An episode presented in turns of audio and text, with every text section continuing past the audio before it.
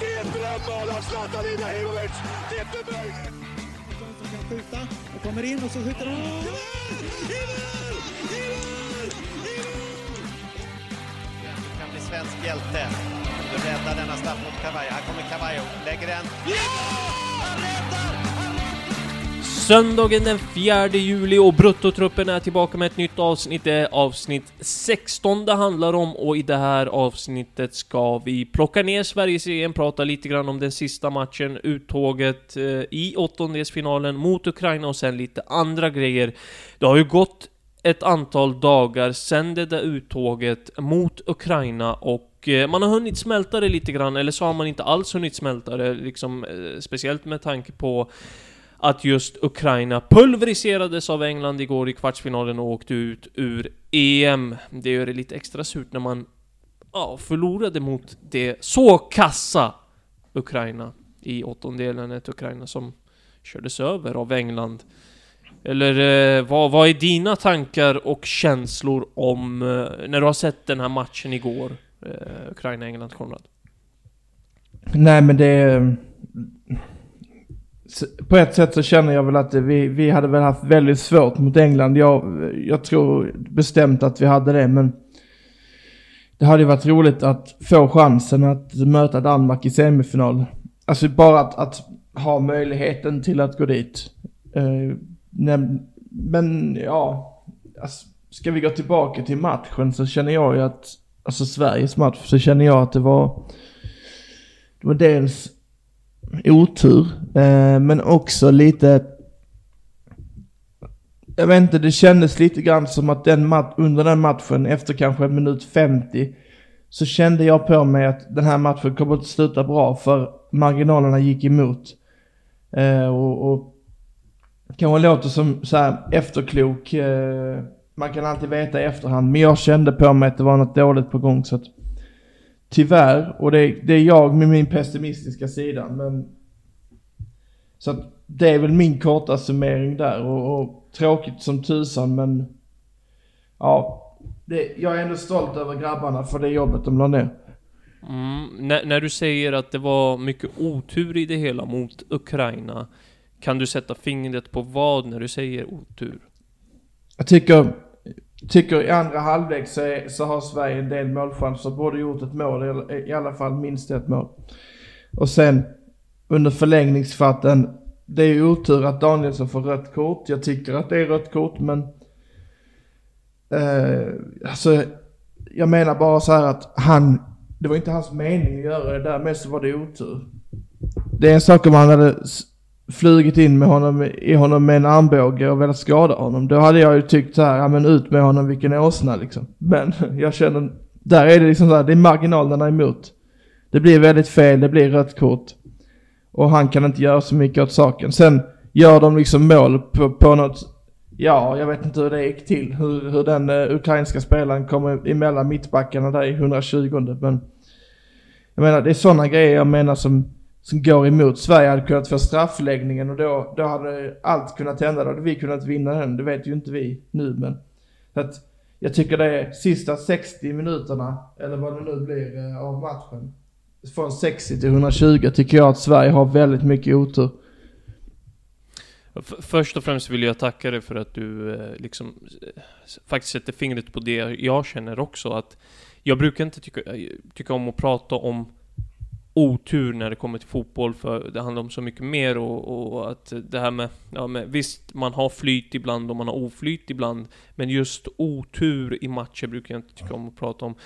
Men här har faktiskt Sverige marginalen emot sig som du säger, man har en, eh, en ribbträff, en stolpträff, man har Kulusevskis skott som eh, räddas, eh, alltså med en makalös räddning då. Och sen så har vi eh, Danielssons eh, tackling som leder till, till det röda kortet och eh, det är ju otur i det där. Han menar ju inte att, att skada eh, Besedin i det läget utan han kommer in för att ta bollen men det blir fel helt enkelt och, och leder till, till ett rött kort. Sen eh, att det blir ett mål i 120 minuten, det fattar man att eh, Sverige går på knäna, eh, har fått försvara under, under en lång period och, och liksom slitit hårt för att hålla det där oavgjorda resultatet, men det lyckas man inte med. Och det är inte konstigt att det brister i koncentrationen eh, i ett sånt läge liksom, men där är det ju inte otur, där handlar det snarare om att eh, det är en rejäl miss av mittbackarna och, och kanske är det Victor Nilsson Lindelöfs gubbe att hålla i det läget. Och det gör han inte. Och, och eh, i en sån match, i ett sånt avgörande skede, när man är en man mindre, så blir det avgörande även om Ja, det är sista minuten, liksom sista sparken, Ja. eh, i princip liksom. Eh, Nej men jag, absolut och, och du är ju inne på helt rätt spår men jag menar liksom Sen det som händer efteråt att Danielsson får en massa hat precis som Berg fick och ja det har ju hänt tidigare och jag menar alltså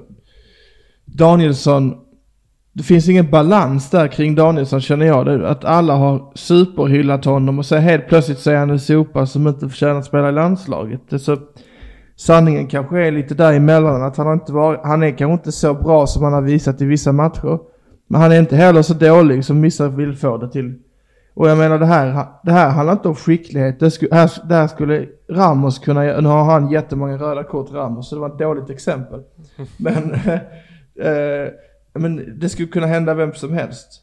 Det skulle kunna vara Maldini som jag sa också, eller hur? Men den här, den här kritiken som du pratar om, jag tror att den någonstans grundar sig i Alltså Vilken klubb man supportar och då pratar jag om att eh, eh Många med sympatier för de andra Stockholmsklubbarna än Djurgården Eller eh, andra klubbar som eh, rivaliserar eller konkurrerar med Djurgården i, i Allsvenskan de supportrarna går väldigt gärna emot Danielsson i det här läget och kritiserar, kritiserar honom rejält. Sen har du de eh, Djurgårdssupportrarna som backar honom till 100%. Du har de neutrala som eh, mig till exempel, som inte har sympatier med något allsvenskt lag, som backar eh, Danielsson i det här läget. Förstår du hur, hur, jag, hur jag tänker? Att det, det är ett uppdelat, det är uppdelat i två läger. De som har sympatier med vissa klubbar i Allsvenskan, de har inget emot att, kritisera honom och såga honom och göra honom till syndabock i det här läget. Han Nej, är precis. ju syndabock till viss del liksom. Det, det går inte att, att komma ifrån. Han har ansvar för sin kropp. Och, och stå för den tacklingen som leder till ett rött kort och ja, hela den biten. Men ändå.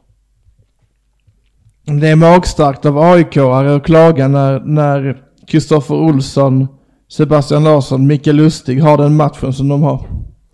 Det tycker jag Ja. är ganska magstarkt faktiskt. Sen, i grund och botten, så är, så är det bra spelare, det är inte det jag menar.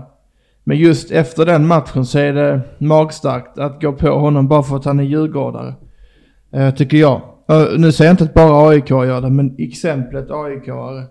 Eh, Sen har säkert göteborgare och sånt går på också. De, de har ju berg så att jag menar. Det är klart, det kan ju, man kan ju vända på det i all, all oändlighet men jag tycker någonstans att när det gäller landslag så det är jätteviktigt att man sätter de här klubblojaliteterna längst bak i huvudet. Det är liksom ja, det, är det, är ingen, det är inget att hymla med att, att så här, det är klart det påverkar en, ens sympatier och, och vilka spelare man håller en extra tumme för. Men jag menar, när, när en spelare går ut i landslagströjan så kommer den göra allt. Det kommer inte att... Så det kommer alltid att göra allt för, för att eh, Sverige ska vinna. Sen, sen om det blir ett annat utfall, då är det väldigt synd om dem och det är väldigt synd om Sverige för det påverkar så många människor. Men jag menar Danielsson skulle aldrig ta på sig tröjan för att göra det dåligt. Det, det, är, det är en sån idiotgrej som vissa, vissa verkar ha för sig bara för att han råkar dra på sig ett rött kort. Så att, nej. Ja, nej, det är äh, många knasbollar där ute. Eh, om man säger så. Så, eh, nej precis, så vårt meddelande till folket där ute det är att släppa klubblojaliteten lite grann när det gäller landslaget, tycker jag i alla fall. Det är mitt Mm. meddelande i alla fall. Alltså, Mm, alla kommer göra allt för tröjan och, och verkligen. Som- Verkligen. Det är bara att måla alla väggar gula när, gul när eh, Sverige spelar landskamper liksom. mm.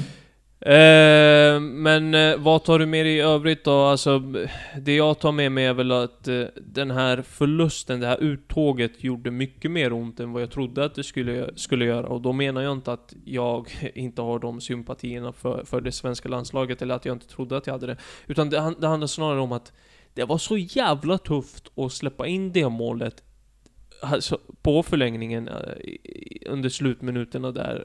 Och du vet, när man har i åtanke att Sverige kunde avgjort det här på straffar. Sverige kunde spela till kvartsfinal mot England. Och det, det, du vet, när man såg den här matchen Ukraina-England igår så tänkte man hela tiden att fan, där skulle vi vara. Och du var inne på det här att eh, jag tror, eh, du tror inte Sverige hade vunnit ändå, det tror jag inte heller, men jag tror att man hade stått ut bra mycket bättre än vad Ukraina gjorde. Fan, Mm. 4-0. Det, det, var, det var en överkör, överkörning av rang liksom. Och Sverige tror jag hade hållit ut i minst 80 minuter och gjort match av det. Hade, alltså, man hade nog inte... Sverige är duktiga som underdogs ju. Att det, allt kan hända i en sån match. Sverige har, jag skulle säga så här, England vinner väl sex eller sju matcher mot Sverige. Men Sverige vinner säkert en eller två mot, mot England, av tio menar jag då. Mm. Eh, eh, Eh, för att Sverige har den här eh, skickligheten och, och den här tålamodet att vänta ut en, en chans att gå på kontring eller bygga ett, ett snabbt anfall som leder till mål eller till avslut i alla fall. Så att eh, absolut, jag, jag menar inte att, att Sverige hade varit chanslösa. Men jag, jag, jag tror att bara för att vi Alltså någonstans så känner jag så här att vi- hade ju ändå varit stora underdogs mot England. Det, det är det som var min poäng där i början av podden. Ehm, men det, det gjorde ont igår att kolla på matchen. Jag, jag kollade verkligen med ett öga för jag, jag kände inte för den matchen riktigt. Nej, och det var verkligen plågsamt. Jag jobbade eh, och skrev om matchen. Eh, och det, alltså det var, det var verkligen, verkligen plågsamt. Du vet, man tog sig igenom de två, tre timmarna och bara Låt det vara över. Eh, och sen så, ja. Men... Eh, skitsamma, nu är det förbi och eh, det blev som det blev. Sverige åkte ut ur åttondels, eh, ur EM i åttondelsfinal. Och eh, om vi någonstans ska plocka ner det här mästerskapet eh, ur svensk synvinkel vad, vad tar du med dig eh, och skulle du sätta, vad, vad skulle du sätta för betyg då? Uh, ja, alltså betyget är väl eh, ett medelbetyg tycker jag. Om det är på en femgradig skala så är det en trea. En stark trea. Uh, det hade varit en fyra om de hade gått vidare, tycker jag. Men... Uh, jag vet inte, om jag ska summera så tycker jag väl att Slovakien-matchen var en, en... På sätt och vis en, lite av en besvikelse tycker jag. Spanien var... Ja, men alltså jag, där, där ser jag bara att vi tog en poäng och det ser jag, det, det ser jag som den enda faktorn där. Det tyckte jag var bra. Eh, men mot Polen, imponerande att vinna trots att man har mött ett desperat Polen. Så att där tycker jag också bra höga poäng. Sen Ukraina, ja, det kan man ju prata om i, i, i oändligheter och vända och vrida på, på stenen. Men Sverige hade vunnit den matchen om de hade spelat om den ett par gånger. Det tror jag faktiskt. Eh, för att som sagt, de skapar chanser. De är där uppe, de hotar. De spelar ganska bra fotboll i långa perioder. Så att, nej men det, det blev faktiskt en ganska stark trea från min, från min sida faktiskt. Mm. Om jag Du- ska du- summera det. Du, du pratar ganska mycket i fantomen-termer idag känner jag. Eh, spela om matcher, eh, matchen ett antal gånger och att Sverige vinner två av Mm. tio matcher mot England och hela den biten. Det, det gillar vi. Eh, Ja, men för det kan vara lite teoretiskt, men jag menar alltså bara för att man ska sätta det i ett perspektiv att, Ja. att är det, det är marginaler mot liksom. Mm, ja, nej, jag håller med. Eh, nej men kollar vi från start till slut så eh, är jag lite inne på ditt spår att eh, man gör en jävligt bra match mot Spanien, plockar en poäng på bortaplan ska sägas, liksom det, det spelas på spansk mark. Sen eh, Slovakien-matchen, lite av en besvikelse. Man hoppades på att Sverige skulle styra spelet mer än vad man gjorde. Men man löser en trepoängare och man gör ett mål liksom och såg bra ut i andra halvlek. Och det var lite det också mot Polen, att man startade bra, gjorde en bra första halvlek. Alltså man har en bra halvlek mot Polen och bra sista minuter där. Och man har en bra andra halvlek mot Slovakien. Det, det, Mm. det är liksom det man tar med sig från de matcherna och så den matchen mot Spanien. Sen måste man ju säga att matchen mot Ukraina, åttondelsfinalen, är en besvikelse. Eh, men det gör inte att man lämnar med ett eh, underkänt betyg i min bok, utan eh, för mig är det klart godkänt och det hade varit mycket mer än så om man tog sig vidare. Eh, man gör inte eh, en superdålig match mot Ukraina, men man lyckas inte få in bollen i mål och det, det är ju det fotboll går ut på och därav blir ju matchen en besvikelse liksom. Eh, men annars klart godkänt eh, ur mina ögon sett då. Är det något mer du vill säga om mästerskapet eh, för Sverige då innan vi knyter ihop den säcken och går vidare? Ja, inte, inte riktigt men, men eh, ännu ett meddelande till folket här ute då. Ta det lite lugnt med, med kritiken kring Janne. Det är många som har varit väldigt heta där. Och man, får ta, man får ta det positiva med det negativa när det gäller Jan Andersson tycker jag. Alltså man Ja. måste göra det. det Förlåt, det jag, jag finns- garvar av, av anledningen att, eh, jag vet inte om du såg den här sista pre presskonferensen, men Makoto, eh, Asahara som gästade oss här för, för inte så länge sedan när vi pratade eh, Allsvenskan, damallsvenskan va? Och, och han ställde ju frågan så här, lite, lite försiktigt till Janne Andersson. Eh, och undrade om han skulle vara kvar som förbundskapten eller om han har övervägt att sluta. Och det blev lite, det blev lite roligt där. Och jag tror att eh, han själv eh, insåg det efteråt. Eh, sorry, fortsätt. Nej men det, ja, jag har sett det också. Men, eh, nej, ja, så man kan ha kritik och man kan tycka och tänka om matchcoachning hit och dit. Men det är där, jag, jag kan ändå se många anledningar som är värre än just Jannes coachning tycker jag. Mm. Individuella prestationer och så vidare. Mm. Nej, jag håller med. Eh, Jag håller med. Och, eh, ja. Men vi ska prata lite mer här fotboll innan vi går vidare herrlandslag alltså. Innan vi går vidare till andra grejer och vi har först ut är eh, Kristoffer Nordfeldt som eh, ryktas till AIK efter det här mästerskapet. Han fick ju inte speltid, det var Robin Olsen som Eh, stod och vaktade buren och gjorde det med bravur. Eh, men Kristoffer Nordfeldt, han fick ju lite speltid här under marssamlingen va, och gjorde det jävligt bra. Eh, står klart att han lämnar sin klubb då. Och nu är det oklart vilken nästa adress blir. Men det pratas, tisslas och tasslas en del om AIK Konrad. Vad säger vi om det? Ja men precis och det, det finns ju en del som, som eh, är lite udda med det i och med att de har Samuel Brolin eh, utlånad till Mjällby som är väldigt duktig.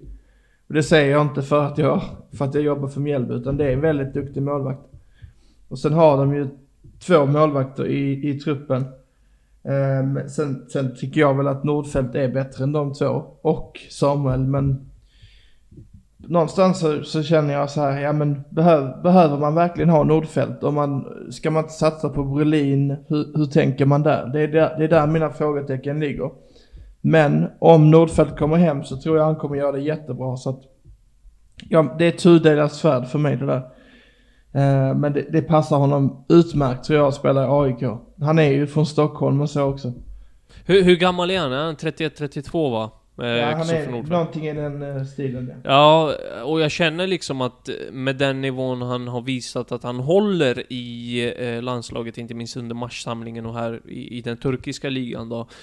Så tycker jag faktiskt att det är lite för tidigt att, att, att vända hem till Sverige. Jag menar, testa på ett utlands, utlandsäventyr till. Eh, jag tror att eh, det hade varit bra för honom. Och hans agent är väl Hassan Chetinkaya va? Om inte jag är helt ute och cyklar. Och känslan är, eh, för mig, även om det kanske finns en hel del trovärdighet eh, i det här ryktet till AIK, de har säkert hört sig för liksom, så tror jag att eh, Hassan kommer lösa Eh, en ut, utlandsklubb till innan det är dags att vända hem. Sen vilken klubb det blir, om det blir topp 5-ligorna eller om det blir Gulfen eller vad det blir, det, det låter jag vara osagt. Men jag känner liksom att ah, jag kan väl testa på någon klubb till innan, innan eh, han vänder hem. Eh, det hade dels varit kul för oss som följer den utlandsfotbollen liksom. Och sen så bra för honom eh, om, om eh, det visar sig att det går bra sen också. Ja men det, det, det är väl inte omöjligt att det blir så. Men eh, det är lite roligt, om du har rätt det där med Settingkaja så har, har Nordfeldt samma agent som Frenkie de Jong så då kanske det blir Barcelona istället. Ja, vem vet? Vem vet? Eh, men du, vi har, eh, vi fortsätter målvaktsfokus och eh, pratar lite grann om Carl-Johan Jonsson där du har en del att säga. Ja men precis. Eh, Efter Köpenhamn har ju värvat Kamil Grabara från Liverpool. Eh, målvakt från Polen som var utlånad nu till Århus i Danmark och gjorde det väldigt, väldigt bra. Och eh, Köpenhamn har, har ju förvärvat honom för 35 miljoner kronor vilket är eh, väldigt mycket pengar. Så eh, ja, det, det leder ju till en, till en slutsats att Carl-Johan Jonsson är på väg bort. För att man värvar ju inte en andra målvakt för 35 miljoner. Så att, eh, i danska ligan så att, ja, där känner Men- jag att det skulle kunna hända något. Carl-Johan Jonsson till, eh, till exempel, ja men en, en svensk klubb. Varför inte? Eller, eller att han går utomlands, eh, nu är Danmark också utomlands men eh, vi säger Tyskland, Holland, Belgien, Österrike, vad vet jag. Testa Ja, något nytt. det, det är ju inte helt omöjligt. Jag menar, eh, sen vet vi ju inte vad han har på bordet som sagt. Alltså det kan ju finnas eh, eh, utländska klubbar som har hört sig för och visat intresse och så. Eller så finns det inte det liksom. Det, det är så svårt att veta det. Han har ju gjort det ganska bra va, när han väl har fått chansen och eh, är ju en stabil målvakt tillsammans. Alltså vi har en bra målvaktsuppsättning i Sverige nu som det ser ut liksom och så. Eh, men eh, ja, det ska bli spännande att se vart han hamnar. Ja precis, vi har en del unga bra målvakter också. Brolin och Dahlberg och gänget. Så att, Mm. och Dovin i Hammarby. Så att det, det är klart att det, ser, det ser fint ut med målvakter. Men det, är- det är verkligen... eh, när det gäller Carl-Johan Jonsson så, så det är väldigt svårt att säga vad som händer. Han, han är ju lite yngre än vad Nordfeldt är också så att han, han tror jag nog att eh, han, han söker sig nog utomlands igen. Jag tänker att vi fortsätter med lite transferfokus i det här avsnittet Konrad. Vi kommer prata mycket om övergångar och silly season helt enkelt med, med eh, ja, om våra svenskar helt enkelt. Och nu skiftar vi fokus till U21-landslaget där Emil Holm ryktas lämna Sönderjyske för Spezia. Och Spezia spelar ju i Serie A som är lite av vår liga kan man säga med min och din Konrad eh, där vi har både lagsympatier men också ett stort intresse. Eh, först och främst innan vi går in på eh, ah, rakt på det liksom. Tror du det finns någon sanning i det? Ja, men det, det känns ju lite typiskt bottenlagen i Serie A och, och, och hitta de här... Ja, ibland blir det guldkorn men ibland blir det ju totala fiaskon. Spall är bra på det och Crotone, Genoa har gjort sådana genom åren. Så Cagliari plockar ju Sebastian Eriksson en gång var tredje år så att... Den var ju helt galen. Ja men det var, det var i och för sig Genoa denna gången men... Han har ju varit i Cagliari ett par gånger. Ja. Ja. Men eh, ja, så, att- så att jag menar Spezia, de har ju blivit av med sin succé, succétränare Italiano. Eh, som gick till eh, Fiorentina. Så att det han kommer komma till nu, det är en, det är en klubb som kommer att få slåss med, med, med allt de har för att klara sig kvar. Men det är en, en fin liten klubb, eh, provinsklubb som, som jag tror kommer passa honom väl. Så att, nej men varför inte? Det är... eh, jag, jag, ser, jag kollar inte mycket Sönderjyske, men jag har faktiskt eh, en Sönderjyske tröja hemma. Det är en annan sak. Men eh, Ja, däremot, det, däremot så... eh, blev jag lite obekväm faktiskt. Nej men eh, däremot så är det ju faktiskt så att eh, det är bara för att Simon Kron gick till Sönderjyska så köpte jag en sån tröja. Ah, okej. Men eh, det det är jättekonstigt, jag vet. Men eh, jag tänker någonstans att varför inte? Spezia, de, de värvar ofta ungt, de har en hel del unga spelare. Eh, så att varför inte? Det Mm. finns ingenting att, att, att tveka på där tycker jag från Emils sida. Ja, eh, nu ska du få höra en grej. Jag ringde faktiskt Emil Holm själv här i fredags och, och ville kolla läget och, och så. Och han eh, ringde upp honom och det var en glad Emil Holm som svarade. Var nere i Danmark och njöt av solen och tog det lite lugnt och så. Och eh, när jag bollade upp det här ryktet så hade han inte hört det tidigare utan han hade läst det under natten eller morgonen eller vad det var. Och det var ju Nicolo Schira, den italienska journalisten, som gick ut med det här och avslöjade det så att säga. Men eh, enligt Emil Holm så är det liksom inget rykte han har hört om och han trivs jättebra i Sönderjyske och fått eh, speltid under våren och de har en ny tränare nu som han, eh, en tysk tränare som jag faktiskt inte har kollat upp. Som han eh, tycker verkar bra och, och, och allt sånt och och liksom han eh, känner att allting flyter på, han gjorde ju det bra här med u landslaget också. Tyckte att Poja, som han har haft tidigare i IFK Göteborg ju, eh, kändes liksom att det kändes bra med honom under samlingen och allt sånt. Så, så där sa han det att, eh, ja men eh, såna här grejer, eh, transfergrejer får du ta med min agent Stefan Selakovic. Och då ringde jag självklart upp eh, Stefan Selakovic för att kolla det här. Eh, och det här har jag inte publicerat liksom. Det, det är ingen annan som har fått tag på Stefan Selakovic vad jag, vad jag vet liksom. Men då, då släpper jag det här liksom. Eh, han, grejen är så här att Sönderjyske och Spezia har samma ägare.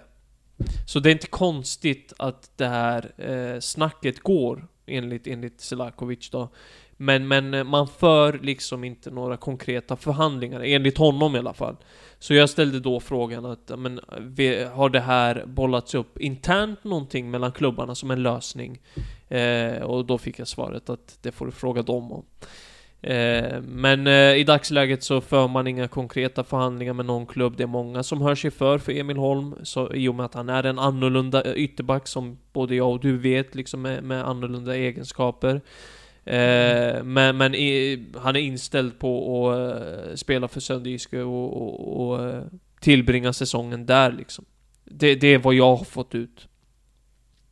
Ja, Okej, nej men det är, alltså, det, det, det är ingen, ingen stress, han är ung så att... Uh men, men jag tror nog att det hade, hade, att det hade funkat ganska bra. De gillar ju snabba spelare på kanterna så att Mm. varför inte?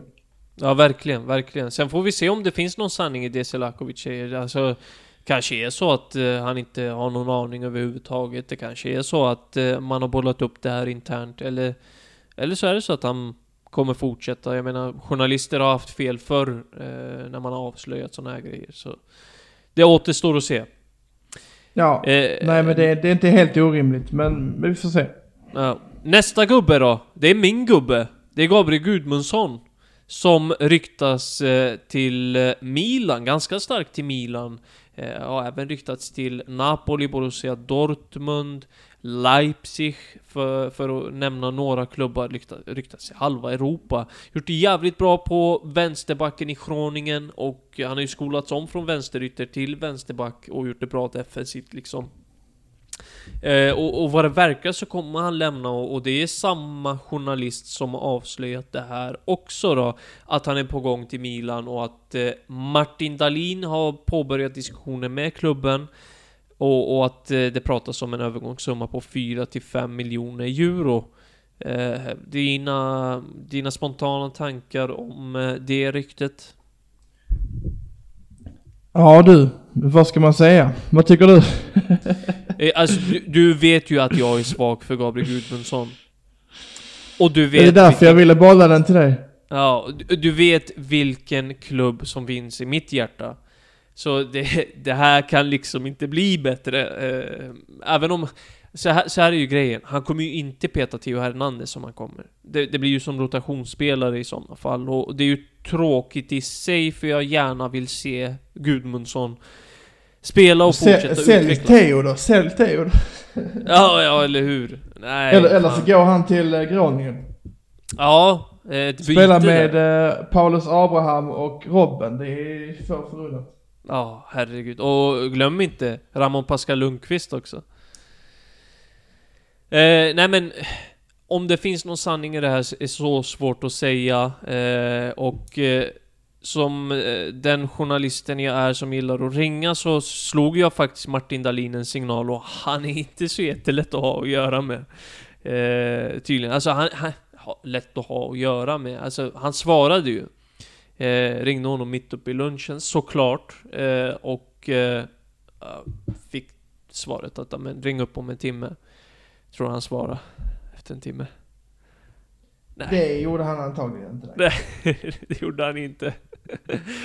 eh, så vi får se, jag ska fortsätta jaga Martin Dahlin och kolla om jag kan få ut någonting där. Eh, eller så ringer jag upp Gabriel Gudmundsson själv. Vem vet? Jag får Ja. återkomma om det. Alltså han borde ju vara ärad om han får ditt eh, samtal ju. Så att, Nej men jag, jag, jag fortsätter jaga helt enkelt. Eh, vad, vad, för, för att runda av eh, Gabbe Gudmundsson, Konrad. Vad, vad tror du är det optimala för honom här eh, inför kommande säsong då? det, jag tror nog att... Eh, ja, alltså det är svårt att säga. Men, men det har varit kul att se honom i, i topplag i Holland. Ett av de bästa. Eller kanske... Och nu kommer någon säga Nederländerna! Men eh, det skiter jag i faktiskt. eh, eller kanske... Vad vet jag, Salzburg eller något liknande. För att jag tror inte att... Jag tror inte att Milan är rätt steg. Alltså, det, det känns mycket väl... Det är högt. Det är Ja. väldigt högt. Det är det. Eh, jag håller med dig och jag hade en... Jag, jag ser liksom gärna att eh, Gabbe Gudmundsson som sagt får kontinuerligt med speltid och, och, och få fortsätta utvecklas på det sättet.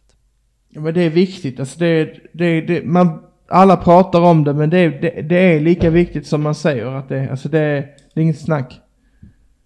Det är för att det handlar om att bygga upp under, alltså under en period, bygga upp sitt självförtroende, bygga upp sitt sätt att spela, sitt sätt att vara på planen. Speciellt nu när han är redan är utomlands så är det viktigt att han bygger upp en, ett självförtroende så han kan ha med ut. Det är saker om han hade, om han hade flyttat från, jag vet, nu vet jag inte var han är från i, i Sverige, men från Göteborg till Stockholm. Du kan alltid åka hem på två timmar men, eller tre eller vad det nu är. Men, men någonstans att, att ta det steget utomlands så är det viktigt att man har med sig ett, ett bevis på att ja, men jag är duger som fotbollsspelare. Så jag, jag tror starkt på det faktiskt. Ja, Konrad, för att runda av det här avsnittet då ska vi ju prata lite damfotboll också. Och även där så ska, vi, ska det handla om övergångar och vi kan väl börja med någonting som inte riktigt är en övergång utan snarare en, eh, en förlängning. Och det är att eh, Kosovare Asllani har förlängt kontraktet med Real Madrid. Och det finns väl inte jättemycket att säga där. Jag hade väl känslan av att hon skulle lämna, men det gör hon inte. Hon blir kvar i klubben. Eh, är, är du förvånad? Jag vet inte riktigt vad jag ska, vad jag ska säga där för att eh, någonstans så hon är ju en, en stor stjärna även internationellt och, och spela i Real Madrid det, det ger ju en viss eh, stjärnglans även om Real Madrid är nya i damfotbollen. Och, och eh, jag kan ha, ha hittat på detta i mitt huvud men jag har för mig att hon har sagt någon gång att hon, att hon har drömt om att spela i Real Madrid. Ehm, och Jag, jag tror att hon sa att det var en dröm som gick i uppfyllelse när hon gick dit, va? Ja, exakt det är det jag menar. Och Ja. någonstans, absolut, det kan alla spelare säga om vilken klubb som helst. Men det är ändå Real Madrid. Det är inte, det är inte FC Rosengård, det är inte Djurgården liksom. Mm. Så att för mig så på, på ett sätt så förvånar det inte. Jag, jag tror att alla unga killar och tjejer drömmer om att spela Real Madrid. Så att, Mm. Mm.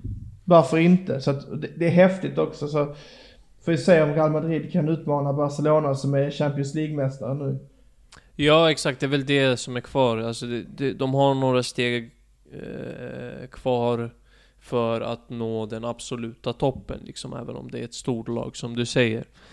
Eh, lite Bayern München då, där det också har eh, hänt en del. Eh, med våra svenskar. Amanda Ilestedt eh, lämnar klubben eh, efter att kontraktet går ut och eh, hon är redo för nya utmaningar eh, enligt agenten Linus Gunnarsson som jag pratade med här i, när var det? När var, torsdags kanske?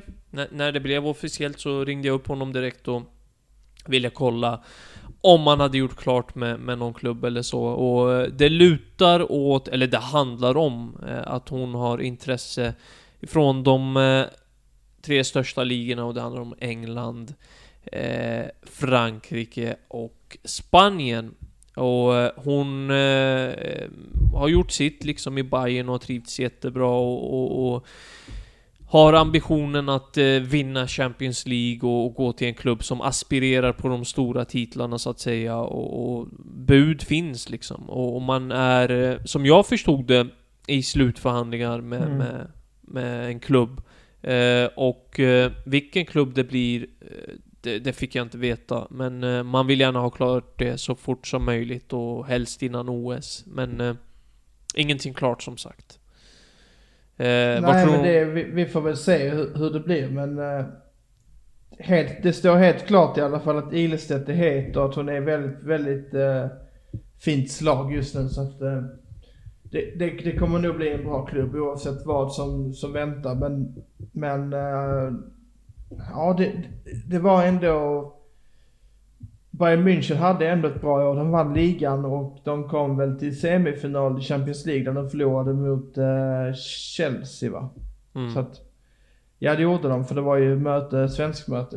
Uh, ja. Så att, det är inget dåligt lag men uh, ska jag gissa så, så har det säkert lite med pengar att göra också. Ja, jag ställde ju den frågan. Och alltså, svaret var liksom så att det spelar ingen roll vart Amanda Ilestedt hamnar. Eh, det kommer bli ett bra sportsligt val och hon kommer bli välbetald. Det var liksom så.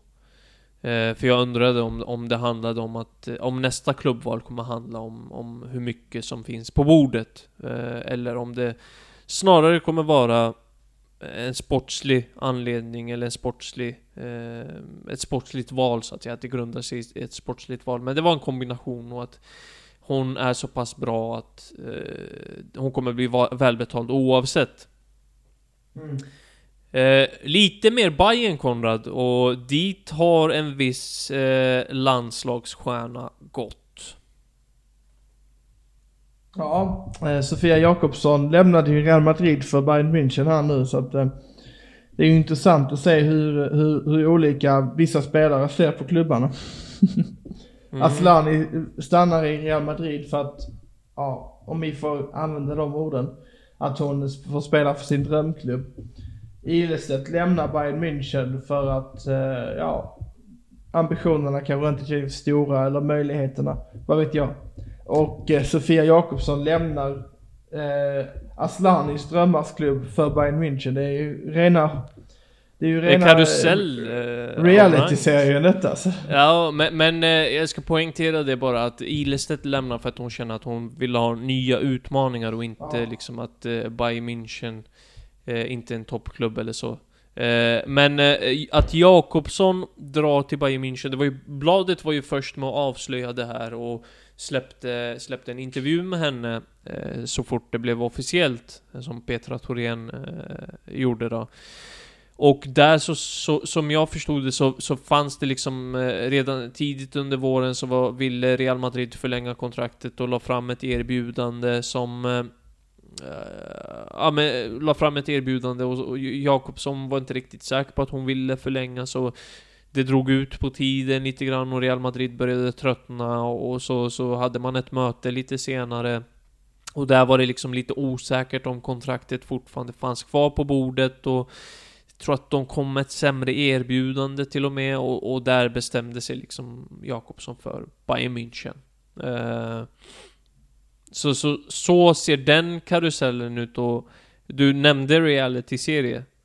Eh, det blir inte mycket, mindre, eh, mindre reality när man hör det där va? Nej precis, att, eh, nej, nej, men det vill jag säga med största respekt för spelarna att det är häftigt att de gör sina karriärer, men det känns bara lite roligt att, att all, alltihopa bara hänger ihop på något sätt. Mm, mm, verkligen. Det är, verkligen. det är det enda jag menar så. Det- Sen att de flyttar klubbar, det är ju inte... Det är inte värre än vad det är på här sidan liksom. Mm, exakt.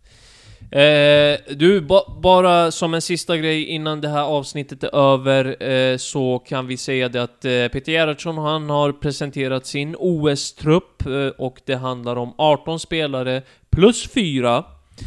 Eh, för nu är det så att eh, IOK, Internationella Olympiska Kommittén, har beslutat att eh, alla landslag kommer få använda sig av 22 spelare, men att man till varje match kommer behöva nominera 18 spelare, alltså att ta ut 18 spelare. Men man har alla 22 till sitt förfogande inför varje match så kan man göra valet. Så var det inte tidigare, utan tidigare var det de här 18 spelarna och så har man reserver om något skulle hända. Eh, och i den här truppen Konrad så ingår en viss Hanna Bennison. Det var vi inte riktigt beredda på. Nej, vi var inte säkra på det i alla fall, men eh, om vi ska vara helt ärliga så förtjänar hon ju det. Så att, på ett personligt plan så, gör, så förtjänar hon verkligen det. Så att eh, någonstans så... Det är mer att jag trodde kanske, och du trodde att, att eh, de skulle gå på mer erfarna spelare för att Precis. en OS-turnering är bara på två eller tre veckor liksom. Så att, nej, det, det, det är spännande. Det är jätteroligt. Jag, jag gillar det jag ser. Hon var ju jätte, jättebra där mot Häcken nu för eh, en vecka sedan eller vad det nu var. Så att, eh, Verkligen, verkligen. Nej, såg du den håller med. matchen? Ja, jag såg den och eh, gjorde det jävligt bra och hade show på kanten vid ett tillfälle och eh, Hanna Bennison fortsätter, fortsätter briljera och nu kommer det bli svårare att hålla henne utanför startelvan i Rosengård också. Eh, lite konstigt att hon inte har fått eh, fler starter. Gjorde sin blott andra eller tredje start tror jag. Eh, så det ska bli spännande att följa henne. Kul för henne. Eh, annars så, så här, tycker jag inte att det är någonting mer som förvånar jättemycket med OS-truppen. Eh, är det något du vill eh, lyfta upp? Nej men eh, jag tänker väl mest på att jag tänkte lyfta rent generellt kvaliteten på, på truppen. Den, den är så hög så att här kan vi, okej vi ska inte förvänta oss eh, för mycket men vi kan verkligen tro på det här laget och, och att de kan göra stora saker. Det, är- det är inget snack om saken. Det, det var väl lite överraskande att, eh, att Julia eh, Roddar kom med i, i truppen. Var det det? Alltså hon har gjort det väldigt bra i klubblaget va? Mm. Jo, men jag, jag, jag hade inte förberett mig på det. Nej, nej, kanske inte. Ja, det, är, precis- det är mer så jag tänker. Alltså sen att, att hon inte platsar, det är inte det jag menar. Utan Mm. det är där jag funderade mest såhär, jaha, det, det var mitt jaha moment liksom. Mm, mm. Eh, annars eh, jätteglad att Nathalie Björn är tillbaka, för hon är väldigt duktig också. Verkligen, verkligen. Eh, men, annars så är det väl som det ska vara. Det ska bli intressant att se om Antagligen så, så tar väl eh, Hedvig Lindahl eh, platsen mellan stolparna. Men eh, Jennifer Falk var ju väldigt, väldigt bra i den matchen mot USA så att... Ja, nej jag håller med dig. Eh, jag tror också att det blir Lindahl som får stå mellan stolparna. Eh, när det väl är dags, men jag hade nog hoppats på Jennifer Falk. Det känns som att hon har jobbat sig till den här startplatsen och att hon förtjänar det nu. Han var Eh. bra mot Australien nu också se, eh, i senaste läget. Verkligen, verkligen. Att, eh, Eh, OS för svensk del går av stapeln den 21 juli 10.30 svensk tid och det är mot USA. Eh, matchen spelas i Japan, eller OS är ju i Japan så att säga.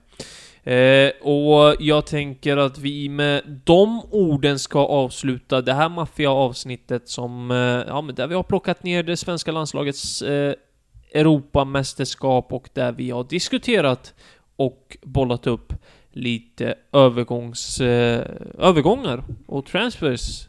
Både på här U21 och damsidan. Eh, häng gärna med oss nästa vecka där vi återkommer i vanlig ordning. Eh, tills dess så ser vi väl njut av semifinalerna och finalen och sen gör vi oss redo för OS.